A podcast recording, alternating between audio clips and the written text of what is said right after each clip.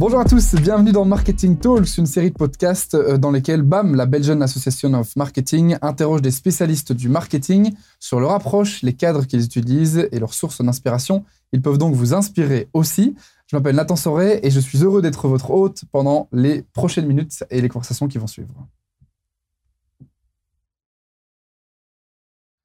Dans cet épisode, je vais m'entretenir avec Thomas Lejeune Debar, directeur national du marketing et de la communication chez Decathlon. Euh, c'est un homme au parcours atypique pour un, responsable marketing d'un détaillant atypique.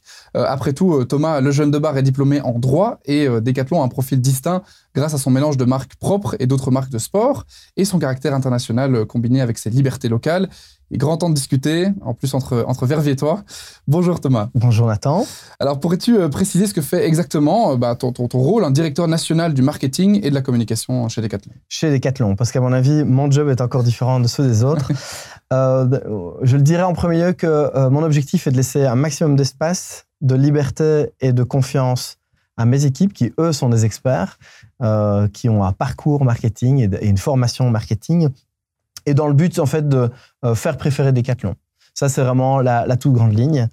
Euh, mon job à moi est absolument pas opérationnel, c'est-à-dire que je vais essayer ça et là d'aller un peu aider, peut-être même plus pour me former moi-même que pour vraiment amener de la plus-value. Il est plutôt stratégique euh, et centré sur l'image de Decathlon de 1 et de 2 évidemment sur, sur l'augmentation des ventes. Ça, je crois que c'est assez banal. Et puis, en fait, je fais beaucoup de politique en interne. Euh, pourquoi? Bah Parce que tu l'as un peu mentionné, euh, on a 70 marques euh, et donc autant de responsables de marques ou de sport, peu importe comment on les appelle, en interne. On a aussi 37 magasins qui ont beaucoup de liberté et donc avec lesquels il faut aussi travailler. Et un webshop, Decathlon.be, qui prend de plus en plus de place dans notre modèle et qui a aussi ses propres attentes, son propre agenda. Et il faut amener de la cohérence entre tout ça, entre tous ces interlocuteurs. Et ça, c'est aussi un peu mon job. Alors, tu as eu l'occasion, et bon, c'est quand même, faut, faut le mentionner, de travailler en magasin directement euh, chez Decathlon, c'est ça? Oui, c'est ça. Moi, j'ai commencé chez Decathlon comme responsable de rayon. OK. Dans un petit magasin à Liège Centre-Ville qui n'existe plus, ou en tout cas qui a déménagé. Puis j'ai fait ce qu'on appelle le parcours retail classique, chez nous on appelle ça comme ça, euh, mais qui consiste à aller, on va dire, jusqu'à directeur de magasin. Donc il y a différentes fonctions euh, entre les deux. Et directeur de magasin, je l'ai fait dans le magasin d'Ollen, qui est pas loin d'Anvers, pas loin d'ici. Euh, et je suis parti à l'étranger ouvrir un magasin. Après quoi, je suis rentré en Belgique. Je me suis un peu demandé ce que je voulais faire. Je fais deux, trois petites missions avant de reprendre le job de, directeur de marketing pour, pour, le pays. Alors, tu disais justement, tu n'es pas marketeer à la base. Non. comment est-ce que tu vois le marketing et quelles sont, euh, selon toi, les principales tendances de ces dernières années que tu as pu constater? Comment je vois le marketing Je sais pas, c'est très large. Euh, je pense que c'est peut-être mieux d'aller dans des bouquins que me demander à moi pour, euh, pour avoir la réponse. Euh, des tendances que moi j'observe ces dernières années, j'en verrai trois et je vais aller de la plus anecdotique à la, à la moins anecdotique. La plus anecdotique, je la cite parce que moi elle me pose beaucoup de questions en fait, c'est le modèle influenceur. je vois ça un peu comme une bulle, mais je sais pas très bien en fait quand elle pourrait éclater et si elle mmh. va éclater. Mais là où ça me pose question, en fait, c'est un, peu sur ce côté euh, en tant que consommateur ou euh, utilisateur, par exemple, de réseaux sociaux. Ben, moi-même, en fait, euh, je regarde, je suis des influenceurs, et là, je parle pas du tout de ma fonction, mais vraiment comme, comme personne. et forcément, elle m'influence aussi. Et pourtant, en fait, je sais que derrière, il y a, y a de la rémunération, il y a un contrat, il y a des objectifs. Et donc, je suis un peu, parfois un peu mal à l'aise par rapport à ça. Et je sais pas très bien. Là, du coup, je fais le, lien avec euh, avec Decathlon. Parfois, moi-même, comme décathlonien, comme euh, comme euh, marketeer, comment les utiliser et comment faire en sorte que ça matche avec nos valeurs à 100%. Ça, c'est un peu anecdotique. Moins anecdotique et assez stratégique pour nous aussi, c'est le la façon dont maintenant les consommateurs, les clients font presque systématiquement une visite de notre site internet avant leur achat. Hmm. Euh, il y a cinq ans, euh, on n'était pas du tout sur cette tendance-là, euh, ou en tout cas très peu, ou uniquement sur les achats très techniques. Aujourd'hui, c'est quasiment systématique. Et ça crée chez nous une très forte discussion sur euh, la différence entre website et webshop. Nous, on a un webshop, on n'a pas vraiment un website. Mhm. Euh, et moi, évidemment, je milite davantage pour qu'on ait en tout cas quelque chose de plus imprégnant, de plus inspirant. Euh, L'expérience doit être similaire à celle qu'on a. Exactement. Et là où pour l'instant, notre webshop, il est uniquement produit et uniquement commerce, ce qui est très bien et ce qui a ses vertus. Mais voilà, il y a, moi, je cherche un équilibre un peu plus fort dès lors qu'on sait que tout le monde va visiter notre site web. Puis le beaucoup moins anecdotique, c'est l'évolution dans la consommation sur une volonté, euh, je dirais, de durabilité, de sustainable. Euh, ce qui fait que nous, forcément, on doit adapter notre activité, mais on doit aussi adapter notre communication et notre marketing par rapport à ça. Ok. comment est-ce que tu fais face justement à cette, à cette dernière tendance sur l'aspect un peu plus durabilité? Il y a plein d'aspects parce que euh, avant même de, de toucher sur qu'est-ce qu'on raconte sur nos produits ou sur notre entreprise, il y a peut-être même la notion de est-ce que cet achat il est nécessaire? Euh, Est-ce que euh, c'est nécessaire d'acheter un produit neuf? Et donc tout ça, ça remet en cause énormément de choses chez nous. Et donc, comment j'y fais face? C'est comment on y fait face collectivement, parce que clairement, c'est pas moi, c'est toute l'entreprise, et ça dépasse même le cas de Belgique, hein, ça va beaucoup plus loin que ça. Mais nos initiatives, elles commencent aussi en local. Et donc, euh, je pense qu'on est tous engagés là-dessus. Sur euh, tous, je parle là, j'avais Decathlon en tête, mais je pense même en termes de société, il faut vraiment qu'on y réfléchisse tous sur euh, qu'est-ce qu'on propose comme alternative, qu'est-ce qu'on propose comme, je dirais, dans l'offre, moins de produits neufs, davantage de produits de seconde main. Et je pense que quand on regarde, quand on analyse le succès, le succès d'une app comme Vinted, ça pose aussi question sur le profil, parce qu'on avait peut-être le cliché qu'il y a 10 ans, les gens qui achetaient en seconde main, c'était vraiment juste pour une question de moyens. Aujourd'hui, on achète seconde main aussi pour une question philosophique. Oui, de principe. Exactement. Et donc, voilà, Vinted, ça doit vraiment tous nous faire réfléchir. Et mhm. chez Decathlon, ça fait, euh, je dirais, deux petites années, mais surtout un an avec ce bouleversement énorme qu'il y a eu, euh, qu'on est à fond là-dessus et qu'on réfléchit vraiment sur, euh, sur l'offre seconde vie. Mais il y a aussi toute le, comment est-ce qu'on appelle ça, l'économie de l'usage. Je pense à Netflix par exemple, euh, mais il y en a plein d'autres et je pense que demain, il y en aura encore beaucoup plus euh, qui s'imposent. Et chez nous, évidemment, le modèle location euh, devient vraiment quelque chose, une évidence. Quoi. On, doit, mmh. on doit vraiment s'investir là-dessus. Et alors moi, comment je le fais personnellement? Ben, C'est mettre ça un peu dans les spotlights, prendre le risque d'aller déjà vers ce nouveau business model qui aujourd'hui n'est pas encore assez important pour Decathlon, mais qui doit le devenir demain, bah, prendre le risque de déjà en fait faire le shift et, mettre le curseur là-dessus plutôt que sur euh, ce qu'on a toujours fait. Euh, alors pourtant que ça représente encore la majorité de notre activité. Justement, comment est-ce que cette tendance, elle, elle, change votre état d'esprit euh, chez vous, chez Decathlon? Tu répondais déjà un peu à cette, cette question-là, hein, mais... Je sais, c'est difficile pour moi de relier les trois, mais si je fais un énorme brainstorm avec moi-même, il y a le mot méfiance qui me vient en tête, en fait. Je me dis peut-être que euh, les consommateurs, ils ont de la méfiance pour euh, ce que les marques viennent leur proposer, parce que, bah, évidemment, c'est un discours qui est tout beau, tout propre, tout mmh. rose. Euh, et je me dis qu'on a peut-être un rôle, nous, marketeurs, on a peut-être un rôle de rassurer sur ce qu'on raconte. Et alors, moi, je n'ai pas la formule magique, mais je me dis que pour rassurer, euh, j'aurais plutôt tendance à moins focaliser sur regarde comme ce produit est beau et il coûte que 9 euh, euros et, euh, et, il répond à ça, ça, ça et ça, il, vraiment, il correspond à ton besoin. Mais plutôt, et je dis pas qu'il faut plus faire ça, mais moi j'aurais plutôt tendance à vouloir rassurer en expliquant ce que Decathlon fait, ce que Decathlon veut faire, parce qu'il y a aussi un, gap hein, entre ce que nous faisons et ce qu'on veut faire, mm-hmm. les moyens qu'on veut mettre en œuvre pour y arriver. Euh, la vision derrière, ce qui est très prégnant chez Decat, en interne en tout cas. Euh, et donc voilà, moi j'aurais envie plutôt de raconter tout ça, ce qui est un travail de longue haleine, euh, mais ce qui me permettrait, je pense, ce qui nous permettrait, je crois, de, rassurer les consommateurs sur, sur, voilà, sur cette notion de méfiance et, de, confiance, à l'inverse, qu'on veut créer entre Decathlon et nous, et les autres. Alors je crois savoir que vous avez dans votre vision cinq concepts clés. C'est ça, tu peux les expliquer? Oui, c'est tout frais en plus, euh, donc il va falloir qu'on raconte ça pendant, pendant très longtemps. euh, mais effectivement, notre vision, elle va, elle va reposer, ou elle repose déjà sur, euh, sur cinq piliers. Euh, alors, moyen même, même techniques, euh, j'ai appelé ça ici en interne trill, comme thriller en anglais, mais ça n'a rien à voir. Le T, c'est pour transport. Donc, c'est comment est-ce que Decathlon propose, ou est plutôt un acteur positif demain de, de nouvelles solutions de transport évidemment, on a tous en tête le vélo chez Decathlon, mais demain, il peut en avoir plein d'autres. Et nous, on veut vraiment se mettre en mouvement par rapport à ça. Le deuxième, le H, c'est health, donc c'est la santé.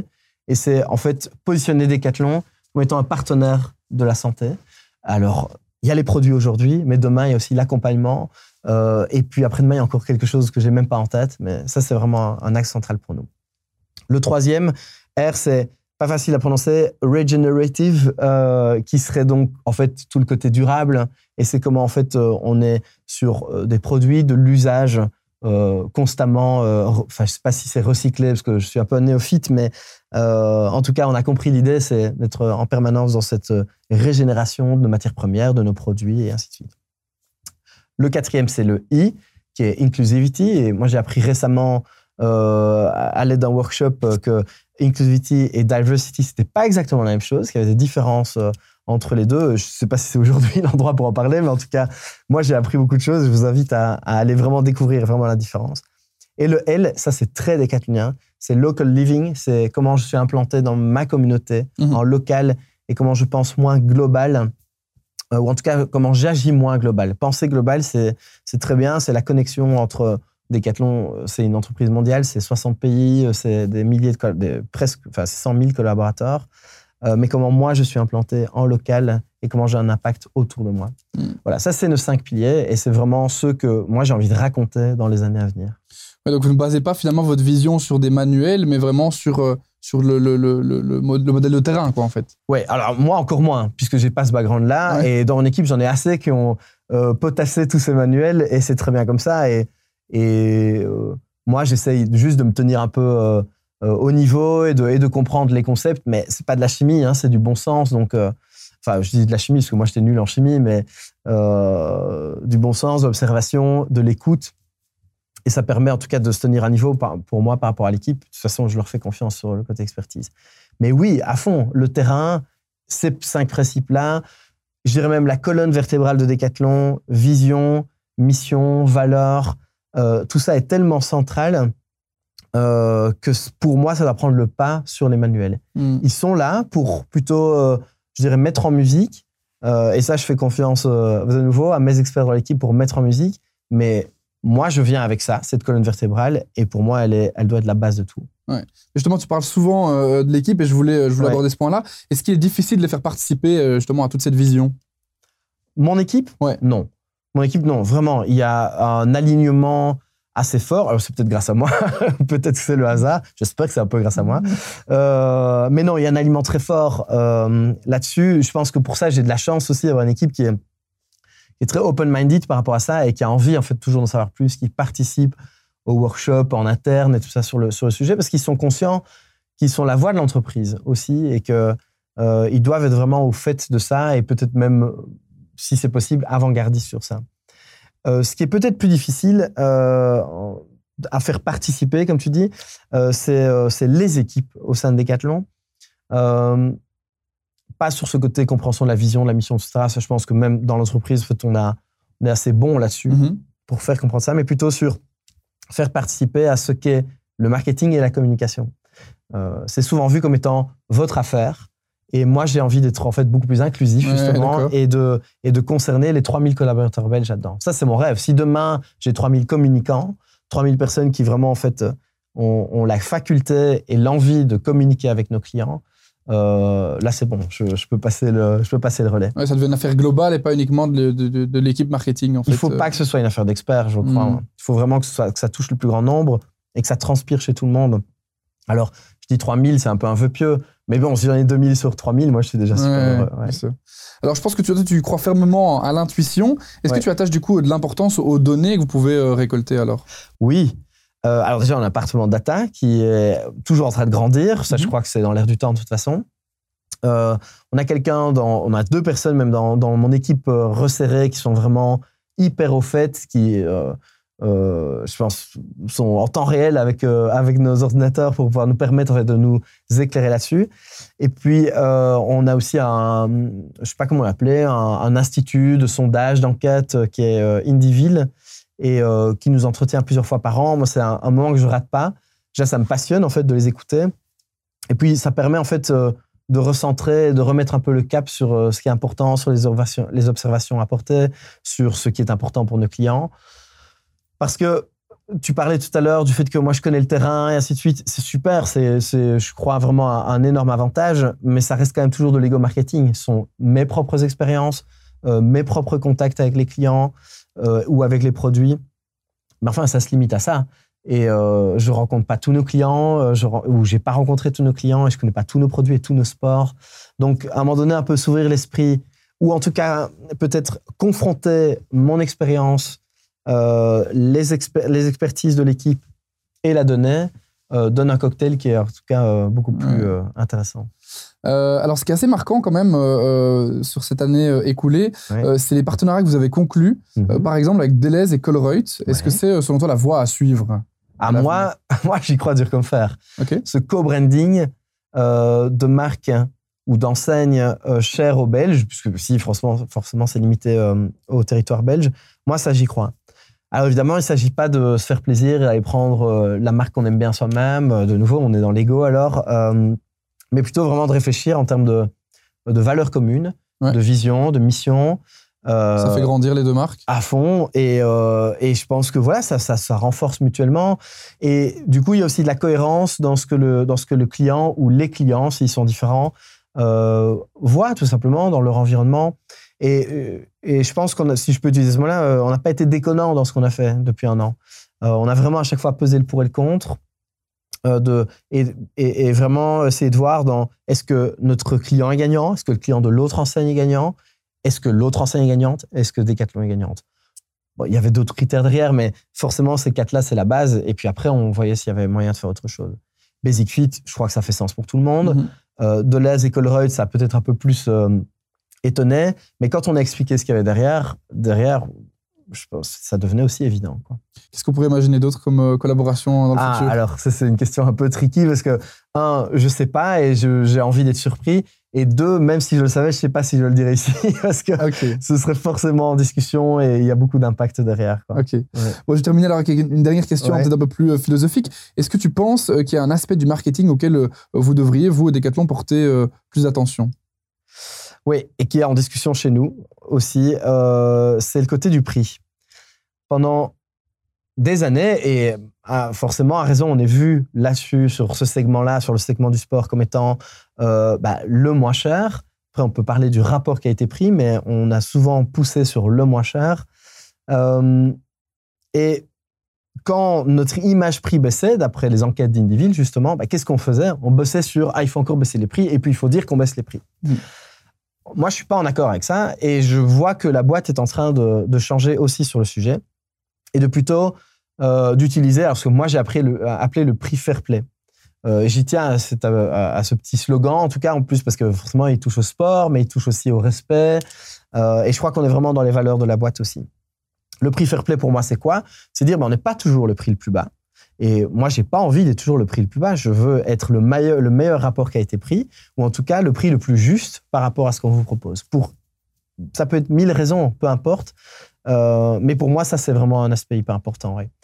Euh, et je pense que ça va conditionner aussi peut-être le changement de perception que les gens peuvent avoir de Decathlon, mhm. qui est pas toujours euh, vu pour moi à sa juste valeur. et, je pense qu'on le sait tous. Hein, parfois, on est vu comme ayant des, des produits cheap. Euh, et que quand on veut euh, avoir une pratique sportive de, plus haut niveau, ben, on va se tourner vers, euh, vers d'autres détaillants. Ben, non, moi j'ai envie de pouvoir convaincre que Decathlon offre des produits à tout le monde. Et le côté tout le monde, c'est pas uniquement les gens qui ont moins de moyens, mais c'est tout le monde. Et donc les gens qui veulent pratiquer un sport à aussi un niveau d'expert. Et donc, il faut pouvoir en fait rassurer sur ce côté-là aussi. On offre le prix le plus juste, pas le plus cher, mais pas le moins cher non plus. Eh bien, merci beaucoup Thomas pour cette, euh, cette, discussion. Euh, vous, chers auditeurs, chères auditrices, euh, merci d'être là et d'être restés jusqu'au bout. J'espère que vous avez trouvé ici l'inspiration peut-être pour faire votre travail encore mieux. N'oubliez pas d'écouter les autres épisodes des Marketing Tools que vous trouverez sur www.marketing.be. Et si vous êtes à la recherche d'un cadre contemporain pour vos activités de marketing, mais sachez que BAM a développé le Meaningful Marketing Framework, également disponible sur www.marketing.be.